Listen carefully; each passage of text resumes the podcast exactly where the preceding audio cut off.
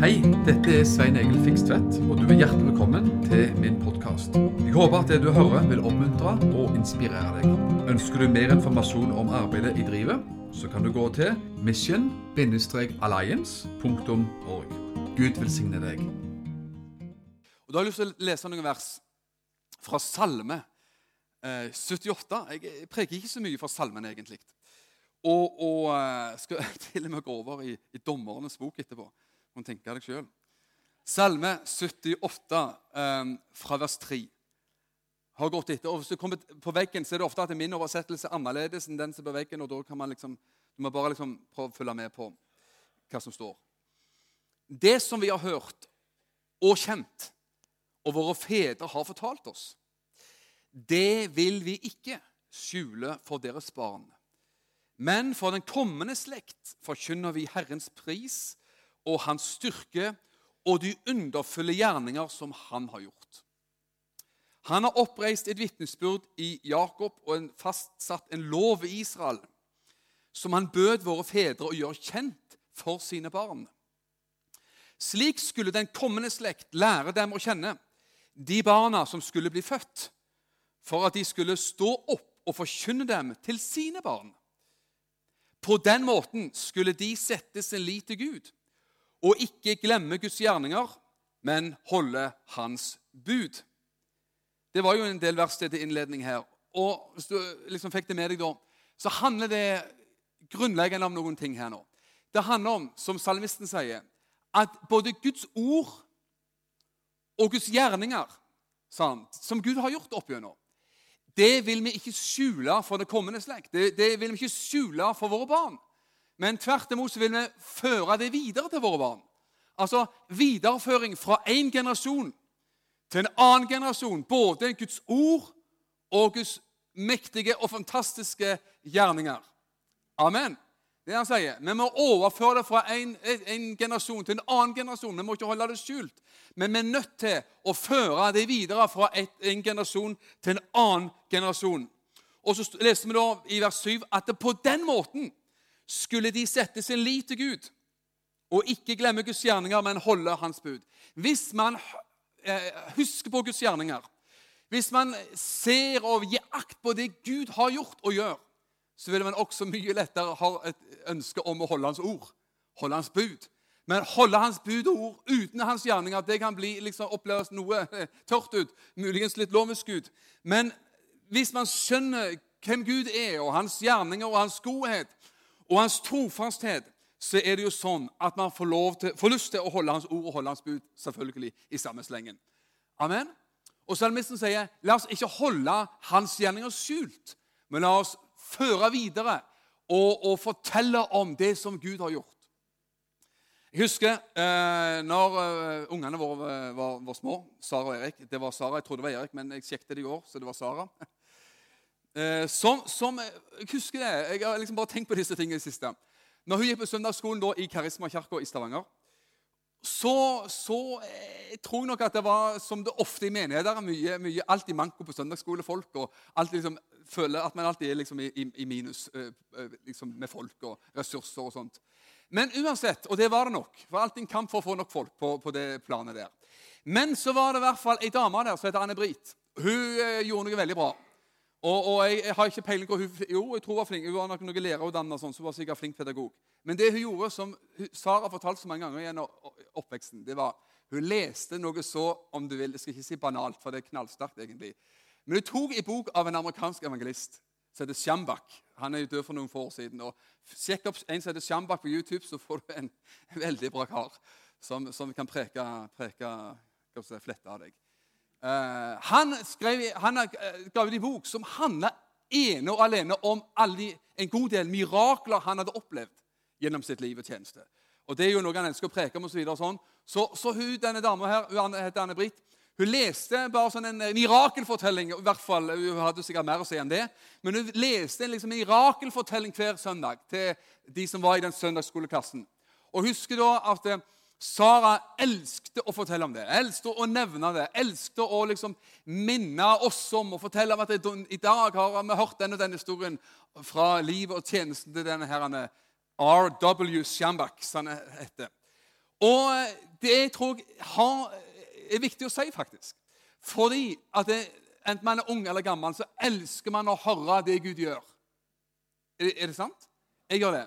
Jeg, jeg, tror jeg elsker det mer enn før. Og jeg tror jeg elsker Guds ord, og jeg alltid elsker Guds ord. alltid preger Guds ord, og, og, alt det der, og kommer nok til å alltid gjøre det. Amen. Men, men, men å se og speide etter og elske det og be det fram og preke det fram og elske det fram og you name it og, og se hva Gud gjør i folk sitt liv, det er herlig.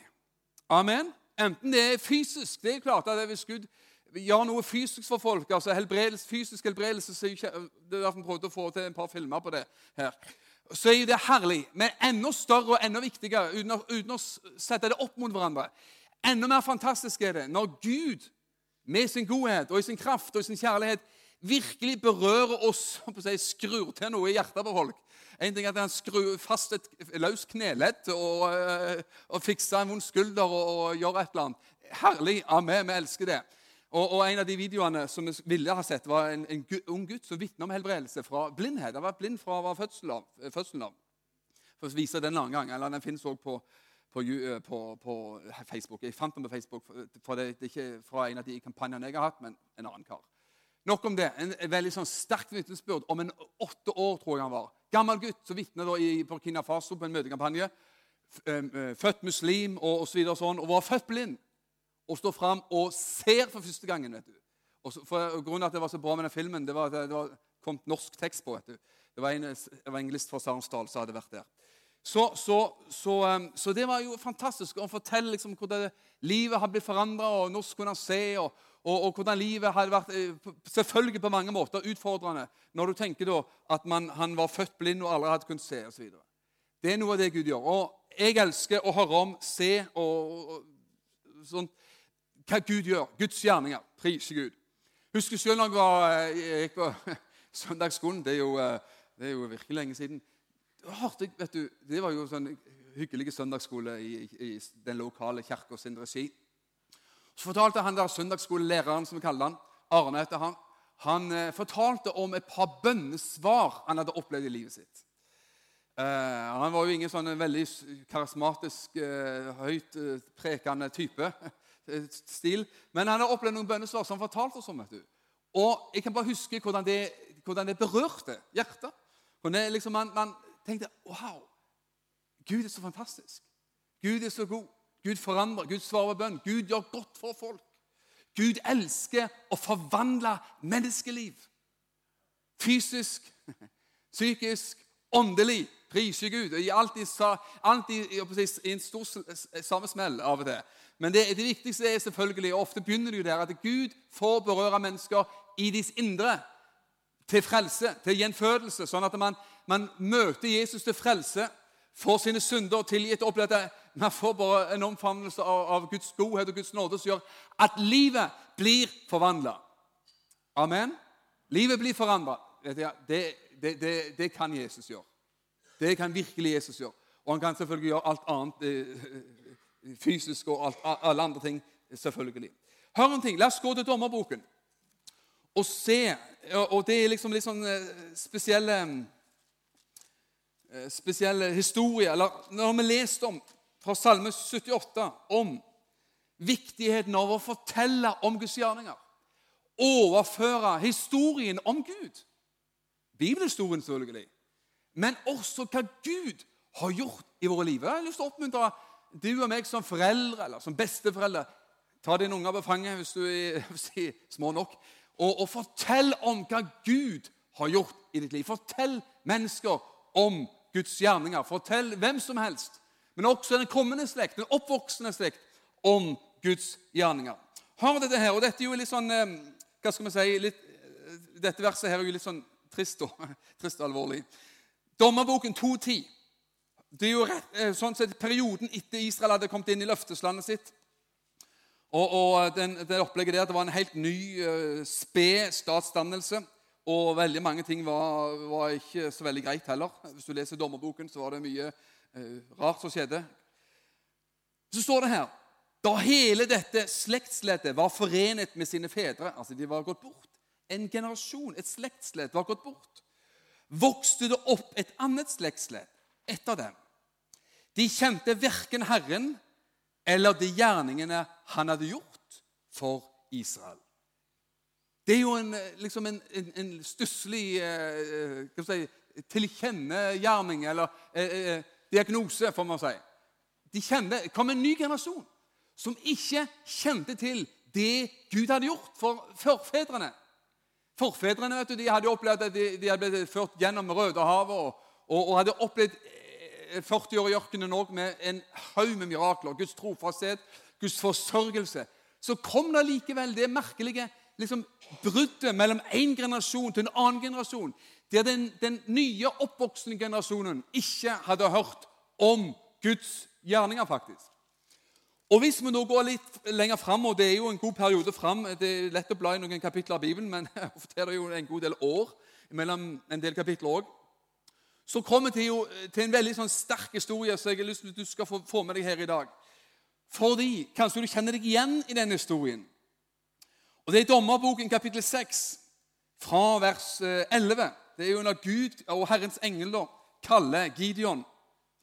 Der står det altså i Dommerboken 6,11.: Herrens engel kom og satte seg under terebintetreet i Ofra, det som eh, tilhører abieseritten Joas. Hans sønn Gideon tresket hvete i vinpressen for å gjemme den for midjanittene. De var herja fiender, og, og, og derfor så drev han altså og treska eh, hvete eh, i vinpressen. Det er ikke der man pleier å gjøre det. Han skjulte seg.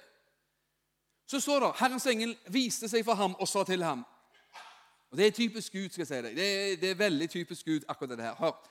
Herren er med deg, du, du mektige kriger. Han var jo alt annet enn en mektig kriger der han sto og gjemte seg for fienden. Og, og, og liksom var, ville nesten krype inn i tapetet der han sto. Men, men Gud kommer og sier ting, vet du. Og det er typisk Gud. skal jeg si deg. Det er seriøst typisk Gud. Jeg må si at jeg kjenner Gud sjøl. At han, han, sier ting, oppmuntrer til ting som er litt gale hus i forhold til en del ting. Men, men Gud ser så mye lenger. Og hør her, og du vil antagelig Jeg har kjent meg igjen i dette her, ikke bare én gang, skal jeg si det, mange ganger. Ok, Guds engel, Herrens sendebud, sier 'Herren er med deg, du mektige kriger'. Og Han var jo alt annet i det øyeblikket en mektig kriger. Han var rett og slett en skikkelig feiging. Da sa Gideon til ham, 'Herre, hør på meg', sa han. Ikke hva du ville sagt hvis du så en, en slags guddommelig person, en engel, engelperson. Om du sier liksom 'Hør her', liksom, da skal du, skal du høre hva jeg har å si om saken. Han sier, 'Hør, Herre, hvis Herren er med oss, hvorfor har alt dette hendt oss?' Og hvor er alle hans underfulle gjerninger, som våre fedre fortalte oss om, da de sa:" Førte ikke Herren oss opp fra Egypt? Men nå har Herren forlatt oss og overgitt oss i midjanittenes hånd. Og eh, Vi kan jo selvfølgelig skjønne og forstå Gideons kraftige innvending til Gud. eller til Guds engel. ikke sant? Han sier 'Herren er med deg. Du er, du er en kriger.' Det, det, er, det, er Gud. Gud pumper mot i oss, pumper tro i oss og, og liksom boler oss litt opp. sant? På tro. Amen. Og så sier da Gideon at 'Hør her', sier han. Altså, 'Hør på meg nå. Nå, du, nå tar du litt for kraftig i her nå.' Hvis Gud, hvis du virkelig påstår at Gud er med oss, så har han et bra spørsmål som veldig mange har hatt. Det er nesten sånn et eksistensielt spørsmål som dette så fint. Hvor, hvis Gud er med oss, hvorfor har alt dette hendt seg? Hvorfor har dette hendt? Hvor, hvor har det blitt av oss han er med oss? Alle hans under? alle hans gjerninger. Hvor har det blitt av alt det vi har hørt bare om som skjedde for liksom en generasjon og to siden? Sånn? Og hvor er det blitt av alle hans synder, og hvorfor er vi da undertrykt av fienden? Og Veldig mange mennesker kan kjenne seg igjen i det og si at det, hvis Gud virkelig er med oss Han har lovt Jeg er med dere alle dager. Se, jeg er med dere alle dager. Inntil verdens ende, har han sagt. Det har han sagt. Ja, han har sagt det. Og, og faktisk, Det er en av de virkelig herlige uttrykkene i Bibelen. Gud er med oss. Gud er med oss. Det står veldig bra mye om det i Guds ord. Så Gud er med oss. Men veldig ofte så kan vi kjenne på det at men, ok, hvis, hvis Gud virkelig er med oss, hvorfor har alt dette hendt? Hvorfor er jeg i midt i de omstendighetene i mitt liv som jeg er i nå? Hvorfor eh, Og så kan man bla opp en, liksom et stort stort koppel av masse masse hvorfor og innvendinger. Ok? Ja vel, det, og det rare da med Gud I hvert fall denne gangen, og kanskje han er litt sånn, litt sånn ennå, altså. Det er at han svarer ikke på alle våre spørsmål. Jeg skjønner ikke hvorfor. Det burde han jo gjøre. Men han gjorde i hvert fall ikke det her. Han, vers 14 sier Da vendte Herren seg til ham og sa, Gå av sted så sterk som du er. Tenk det, Full av spørsmål. Feiging som sto i vinpressen og traska hvete og var redd for fienden. Så kommer Gud og sier, 'Herren er med deg, du djerve kjempe, du djerve kriger.' Og så kommer han med innvending og sier det, hvis Gud virkelig er med oss, hvorfor er jeg, meg, jeg og mitt folk i den elendigheten som vi er i akkurat nå? Så bruker ikke Herrens engel noen kalorier på å besvare akkurat det der og gå inn på den diskusjonen. Han sier bare noe nesten enda mer frekt. Eller trosfriskt, om du vil. Det er nesten det samme av og til. Gå av sted, sier han, så sterk som du er. Tenk på det. Gå av sted, så sterk som du er. Amen. Og du skal frelse Israel fra midjanittens hånd. Har jeg ikke sendt deg, sa han. Tenk på det at Gud sier det. Det er svaret. Gå av sted så sterkt som, som, du er. Det kan vi kjenne på stadig vekk.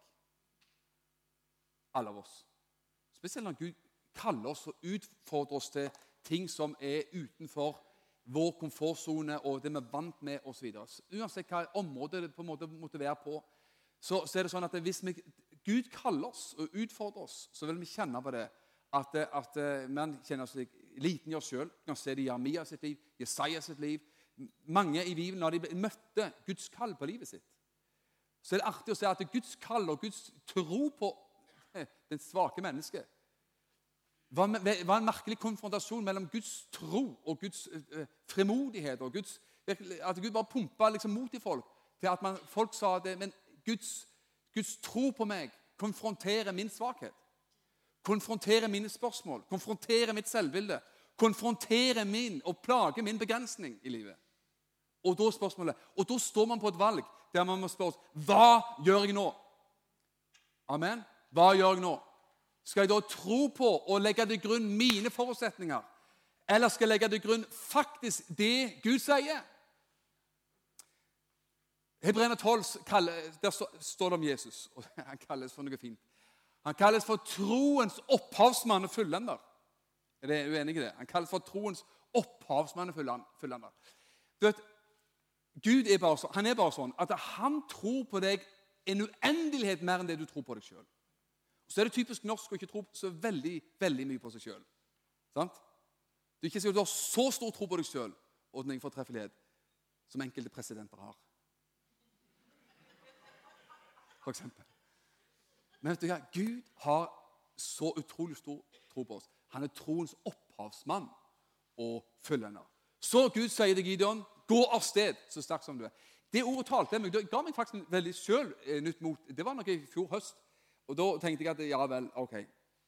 To ting. For da tenkte jeg at det, Spesielt når jeg skulle til Nepal i, rett før jul i fjor. Så, så, og Der kom det mange fine vitnesbyrd. For det, eh, det kunne jeg hatt med her, da. Men for jeg utfordra en kar da, han som hadde litt med de møtene å gjøre. Så sa jeg etterpå jeg har reist hjem. Du vet, når det er kaos på møter, da, masse møter og masse vitnesbyrd, så, så, glemmer du fort. For du intervjuer folk, og så er det oversettelser, og så er det, er det så mye som ramler av langs veien. Så jeg sa den ene karen der at ta og ring til noen menigheter etterpå og så få tak i navn og bilde på folk som har et vitnesbyrd om helbredelse. Og det gjorde han faktisk. Han sendte meg en sånn liten eh, powerpoint-bilde eh, noen bilder. Og det var jo fantastisk. Men poenget mitt var her nå det var at det, det Ordet der oppmuntret meg veldig når jeg skulle dra. For det, det, var jo i India, dette her. Eh, men det var Daniel Galé, som vi kjenner herfra, da, som bor i Nepal. Unnskyld at jeg gjør det så komplisert akkurat nå. som prøver å gjøre det enkelt snart igjen.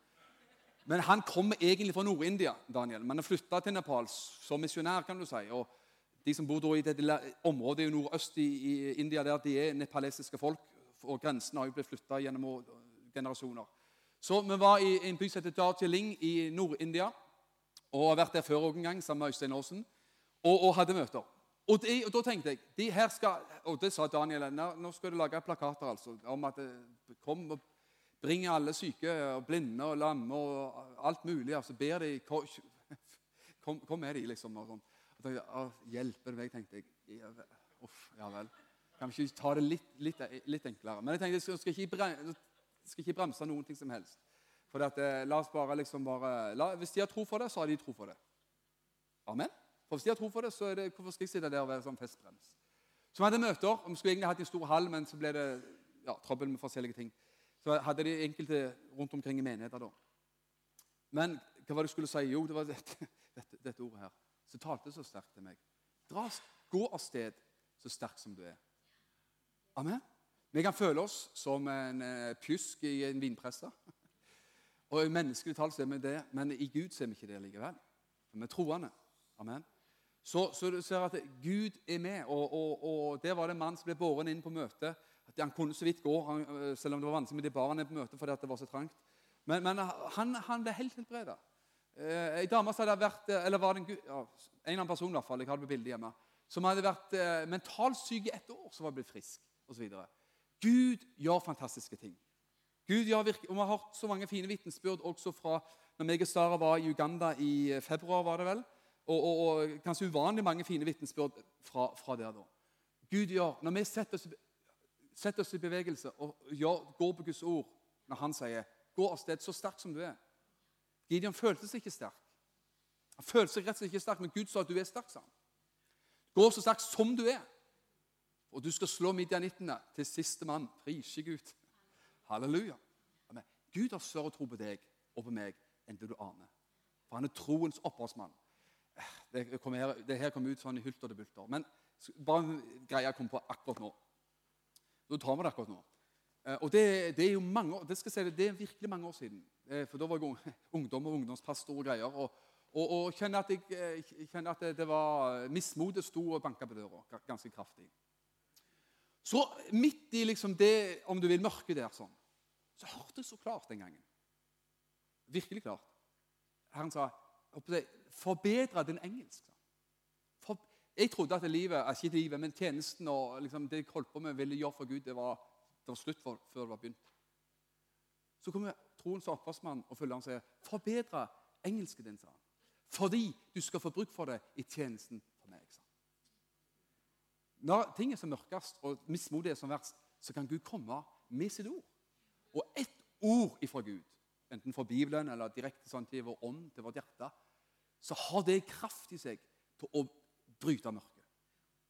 Det har ett ord fra Gud. Det kan gå for mange ord òg, men, men, det har potensial til å forandre situasjonen ganske kraftig. faktisk. Det har det. Amen. Nå skal vi fortsette historien vår her nå. Amen. Gå sted så sterkt som det er, vers 14 og du skal frelse Israel fra midjanittens hånd, har jeg ikke sendt deg. Hør her, da, vers 15. Da sa han til ham altså Gideon svarte eh, Herrens engel. Å, men Herre, sa han. Hvordan skal jeg frelse Israel? Hvordan skal jeg bruk, være brukbar? Hvordan skal jeg få dette til? Du sender meg ut på noe som er så inni veggene galt og umulig å, å, å få gjort. Hvordan skal jeg frelse Israel? Sannelig, sier han. Og det her, Han skulle jo tro han hadde gått på Bodd i Norge en stund. Skandinavia, kanskje. Sannelig, min slekt er den svakeste i Manasseh, og jeg er den ringeste i min fars hus. Jeg er liksom den nederste av de nederste. Den minste av de minste, den svakeste av de svakeste. Da sa han til ham, hvis jeg virkelig har funnet nåde i dine øyne, så gi meg et tegn på at du har sendt meg, og til at du taler til meg, osv. Så, så kan, vi, kan du lese historien og se at det, er Gud i stand til å forandre en person som spør hvem er jeg jeg er den minste i slekta. Liksom, for å bruke det, ta det på norsk, jeg er den minste i familien min, jeg er den minste i søskenflokken. Jeg er den minst smarte og minst glupe og minst den mest ressurssvake personen. og Jeg er liksom det minste av det minste og det dårligste av det dårligste. Så ser du at Gud forandrer en reddhare og en feiging og en pusling. og En mann som, som ikke hadde noe topp selvbilde i det hele tatt til en som, som frelser Israel fra fienden den gangen. der. Så er så fremodig når, de sier de skal gå ut og slå, slå til mot fienden. Så skal de rope to ord, to ting. Det var 'for Herren', sa de. De skal rope ut 'for Herren' og for Gideon. Så han tok med seg sjøl liksom, i, det med Gud, da, bare for liksom, å gjøre det skikkelig. Da, da var han skikkelig liksom, oppe. Så var skikkelig oppesen, herr Oppesen. Han sa 'For Herren, rop ut for Herren og eh, for Gideon'. Han, bare sånn, han dro med det da. Så det er vår Gud. Det kan Gud gjøre. Amen. Salme 103 sier vers et eller annet. Har vi det her? 1-4. Men sjøl lov Herren. Og glem, og alt som, er, alt som i meg er, lov Hans hellige navn. Men sjel over Herren. Glem ikke alle Hans velgjerninger. Amen. Det er vi egentlig prøver å prate om her i dag. Guds gode gjerninger. Guds velgjerninger mot oss. Guds velgjerninger mot deg og meg. Men Guds velgjerninger mot andre mennesker. Jeg har lyst til å oppmuntre deg til, til å mate deg med, fòr deg opp på vitnesbyrd om Guds godhet. Vitnesbyrd om Guds gjerninger, hva Gud gjør i mennesker sitt liv. Amen. For det er fantastisk, det som Gud virkelig gjør i mennesker sitt liv. Kanskje jeg fortalte om han forrige gang jeg talte her. Jeg tar det om igjen. Jeg husker det ikke, men, men jeg, har, jeg, jeg, har, nevnt en fin historie eh, noen ganger rundt omkring. Og jeg, jeg, har møtt han, jeg tror jeg har sagt det, men det, det tåler å sies. Han heter en inder som heter Babu Rao. Heter han. Babu Rao. Han var gangster og bandittleder og, og massemorder i Hyderabad-området på 70-tallet. Og Så traff han da en som kjennes, jeg skal besøke nå da, og, og tjene sammen med i, i, i, eh, august. Moses Chowdhury. Han har jo vært her i den gamle kirka for noen år siden. Og han møtte Moses, og det var bare faktisk på, av alle ting på en kirkegård. De kom i prat med hverandre, og Moses fortalte hva han holdt på med. Han, det var en ung forkynner den gangen, og menighetsplanter, og hadde bibelskole holdt på. Denne her, han andre, Babu Rao, var en bandittleder. Jeg har hørt hans vitnesbyrd, og han, det var massemording på, under meget bestialsk, øh, bestialsk vis. Og Han ble ikke frelst der, da, men Moses inviterer han Babu til, til møte. og Han kommer av og til innom et møte, faktisk. Og så sier det at han kommer på første møte som Moses hadde da, eh, etter stund, så opplever han det at eh, en atmosfære som han aldri hadde opplevd før. Denne Babu var hindu. Moses hadde vært hindu selv òg i sin barndom og ungdom. Og Så sier han til Moses at eh, jeg merker en atmosfære her som er så annerledes enn alt annet. Alle opplevde det. Og så bemerker han men jeg ser ingen guder rundt omkring. altså Figurer. altså avgudsgreier.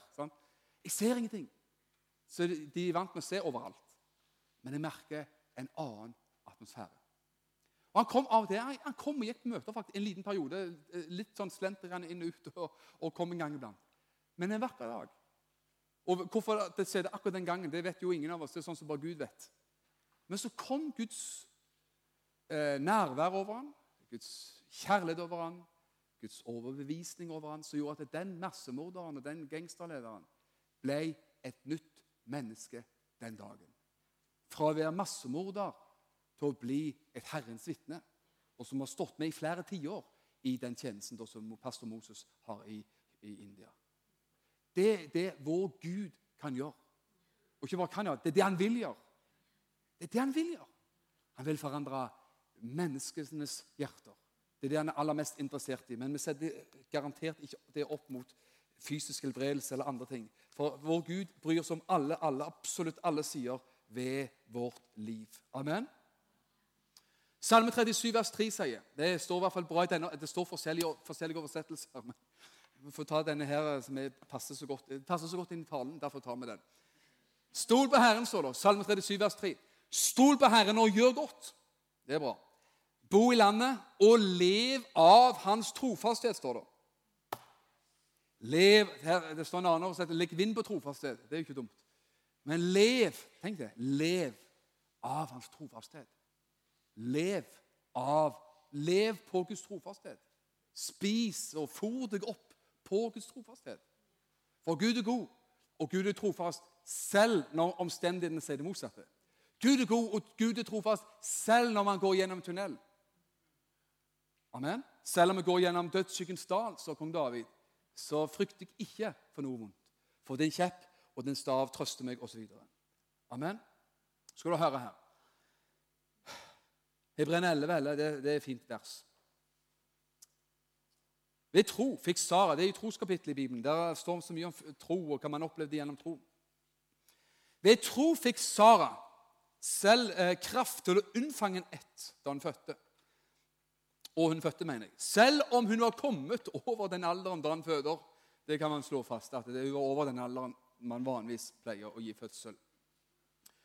For hun det, det er et fint ord, altså. Hør. For en regnet ham som trofast, som hadde lovt at dette skulle skje. Tenk det. Det er et fint uttrykk. Regnet ham som trofast. Heldig er den personen som kan si gjennom medgang og motgang jeg regner Gud som trofast. Amen. Selv i tunnelen, faktisk, selv i dødsskyggens dal, så har du grepet det så sterkt at det, han er trofast. Han er trofast. Det er et ankerfeste for livet og et ankerfeste for sjelen som, er, som man må bare ha. Halleluja. Tenk til Sara. Hun fikk jo beskjed av Herrens engel, hun òg, at du skal, denne, neste år på denne tid så skal du ha en sønn i armene. Nå skal jeg på min måte da. Men du skal ha en sønn, og du har venta lenge på dette, her, så nå, nå, får du en sønn. Ferdig med det. Isak kom. sant?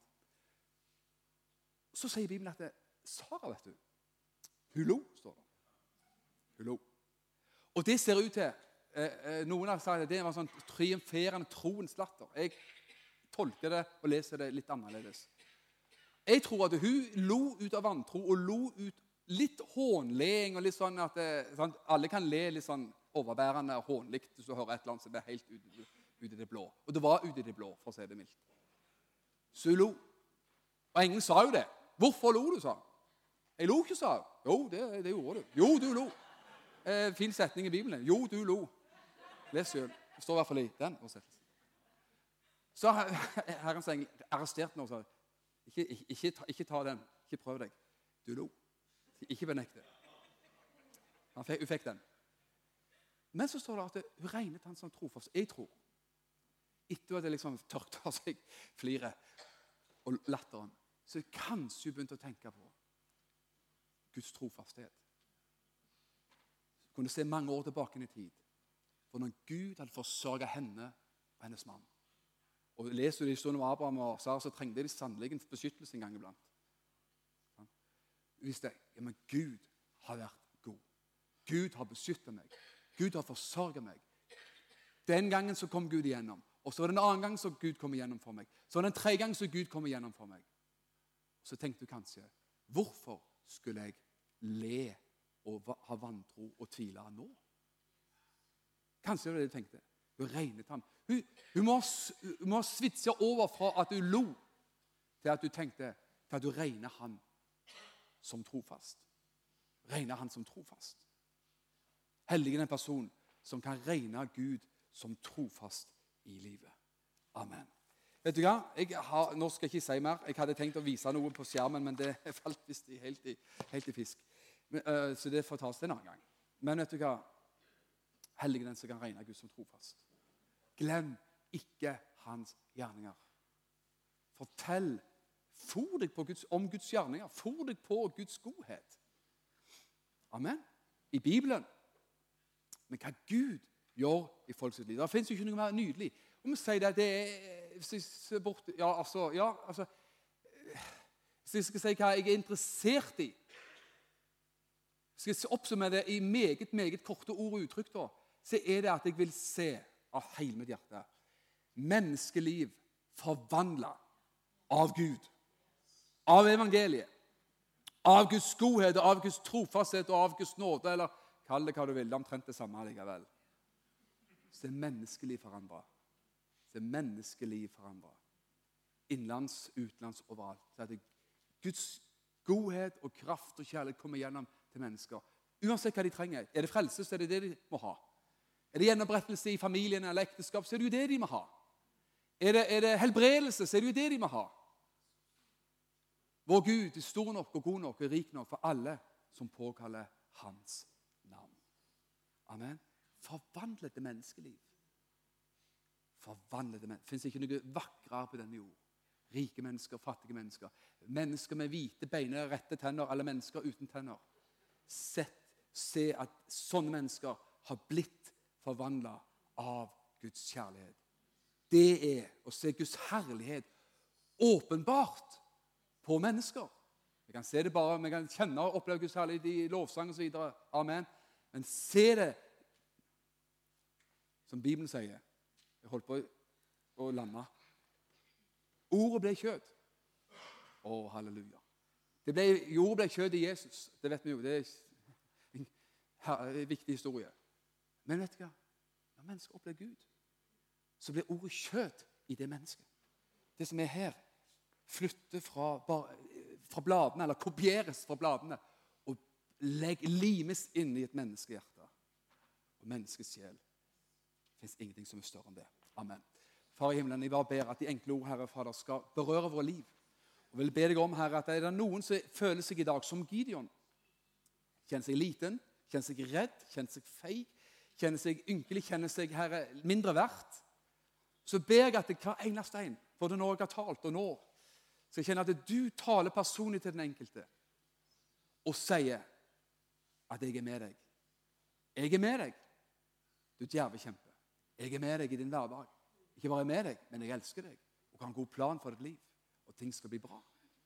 Herre, jeg bare ber at den enkelte du tar det som har delt her i dag, og bare bryter det brødet og legger det inn i den enkeltes liv sånn som du vil det. For du ser her, det er ingen mennesker like, ingen situasjon er lik, intet fingeravtrykk er likt.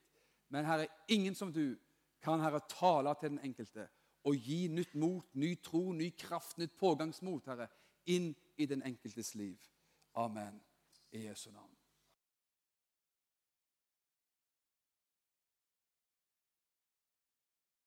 Hei. Jeg spurte om jeg kunne få lov til å si noe, for jeg følte at uh, jeg følte at jeg skulle det. Uh, så jeg skulle fortelle et vitnesbyrd egentlig om, um, om en helbredelse. Uh, et par helbredelser som skjedde i, for noen måneder siden. Jeg var i USA, og så var jeg egentlig litt sånn Jeg var der for å besøke en menighet og noen, sånn, noen folk som jeg ser opp til. og sånn. Og så, jeg, så gikk jeg og trente på treningssenter. Og så tenkte jeg at Gud, jeg vil være åpen for det du har lyst til å gjøre. Og så, men jeg kjente sånn, sånn, Egentlig så kjente jeg at jeg var ikke helt på en måte, selvsikker. på en måte. Eller kjente liksom at det var liksom det var liksom litt tungt, og jeg gjorde det på en måte i tro da, at Gud vil være klar for det du har gjort. Men egentlig så tenkte jeg at jeg håpet kanskje ikke det var noen syke der inne. For av og til så er det sånn, for jeg har, jeg har sett mange helbredelser, men, men, så er det alltid sånn at kjødet kjemper imot deg uansett. Og det må vi bare være klar over, alle mann, egentlig. At det, Sånn er det på en måte for alle sammen, tror jeg, at kjødet kjemper imot en hele tida. Um, og Derfor er det så viktig med, med vitnesbyrd å huske på hva Gud har gjort. Så at ikke en, blir, så at ikke en bare ser her og nå, men at en kan huske på hvordan Gud har vært med før. Så at han likevel tør å trå videre, da, selv om en ikke føler for det. Um, så jeg gikk og trente, og så var det en, en herlig svart mann som kom, som mangla masse tenner. Uh, så kom han med typisk sånn amerikansk ledningssokker i sandalene. og Herlige type. Med caps og så Pokémon-headset på. Og så gullkors. Uh, så det var en skikkelig, sånn, en skikkelig herlig type. da. Og han kom, Så hadde han en skikkelig stokk med seg, så kom han haltende inn på treningssenteret. Og så så, jeg, så så jeg at han kom, da, så tenkte jeg at eh, ja, jeg må jo be for han. Eh, og så, og så satt han, så satt han ned stokken og begynte å trene liksom, med litt vekter. Og sånn. Og så tenkte jeg bare og prøvde å manne meg opp til hvordan jeg, skulle, liksom, hvordan jeg skulle komme i kontakt med han. Og så kom han forbi meg, og så begynner han å prate til meg. Og Det var, det var så kult, for det var liksom, jeg følte at det var litt sånn der, en, Gud bare gjorde det litt enkelt for meg. Det, det, var, litt, det var, litt, gøy. Og så, og så, snakket, så spurte jeg jo, eller så sa jeg at jeg liker, liker smykket ditt, sa jeg, for han hadde kors på. Og så sa han ja, I'm one with Christ. Og var skikkelig, liksom, var skikkelig der, da. Og så spurte jeg du, hva, jeg ser du går med stokk. Hva, hva, hva er problemet? liksom? Og så sa han at han hadde problemer med at det strålte inn i hele beina hans da, fordi han hadde, han hadde, ødelagt noe i ryggen. da. Um, og så spurte jeg, spurte jeg om han kunne be for det. Og så ja da, det var han veldig åpen for. selvfølgelig. Og så la jeg hånda på beina hans og så ba jeg bare en kort bønn. Og så gjorde jeg kanskje to-tre ganger, for det skjedde ikke med en gang. Og så sa han ja, du, nå er det jammen. Og så var det helt bra. da. Så jo, og så så jeg i sidesynet mitt så ser jeg en annen, en skikkelig tøffing jeg tror, jeg tror han har vært en sånn gjengmedlem, en, sånn en, en uh, latinofyr med masse sånn tatoveringer oppover hele halsen. Tjukke gullringer som hang ned ørene, så at de var sånn lange, lange hold. Og så skikkelig sånn muskuløs. da. Så Han så at han ble helbreda, så kom han bort. 'Du, be for meg òg', sier han. Og så, ok. og så Han hadde vondt i beina òg, og så trekker han opp buksa, og så er det en tatovering av Jesus. Og det er der han har vondt. da. Så Jeg vet ikke, hva det, vet ikke om det, hva det skulle bety. Men uh, jeg ba for han iallfall, så ber han òg helbreda. Og da gikk jo jeg, altså når, Etterpå så går vi og trener hver for oss igjen, så begynner jeg å bare grine. For jeg bare innså at wow, Gud, du er så god. Hvordan kunne jeg være redd for dette? Uh, på en måte, fordi det, Sånn er det jo. vet du. Jeg tenkte liksom at uh, jeg kom inn der med litt sånn, egentlig litt sånn der en uh, kjip holdning. på en måte. Um, og så ble jeg allikevel påminnet på Guds godhet med at det skjedde. Uh, med at jeg likevel på en måte, fordi en våger å trå ut, selv om jeg ikke føler for det. Og så etterpå, for det var så fantastisk. Det er ikke alle sånn som blir helbreda som bare 'Hvordan kan jeg bli frelst?' Eller som faller ned på sine knær og griner og sånn. Ofte så er det bare liksom at 'Ja, takk', og så går de. Men så kikker jeg, og så idet jeg holder på å trene, sånn, så ser jeg han latinoen så driver han og peker bort. Så ser jeg at uh, han, han første seg bare for, har gått vekk fra hele treningsapparatene. Og så ligger stokken hans der på Og så går han og så danser han og løfter hendene sine og priser Gud på treningssenteret. Og da begynte jeg å grine mer. Så han gikk der gjennom hei, så lenge jeg trente. altså Sikkert en time etterpå så gikk han og danste for seg sjøl på treningssenteret og priste Gud og løfta hendene. Og det var så fantastisk å se. Og det var bare en sånn en påminnelse. sånn der, Gud, unnskyld for at jeg tviler. Uh, og jeg bare sier det også at jeg hadde ikke starta med be for syke engang hvis jeg ikke hadde vært for vitnesbyrd av andre mennesker som, som, viste at det var mulig. Så det er så viktig det der altså, å fylle seg med vitnesbyrd og ta imot og høre og være interessert i hva Gud gjør, og vite at du kan gjøre det samme. Det er det som er fantastisk med vitnesbyrd, at det, man sier at det gjør det igjen, Gud. Og det er så fantastisk. Amen. Takk for at du har lytta til denne podkasten. Jeg ønsker deg en velsigna god dag.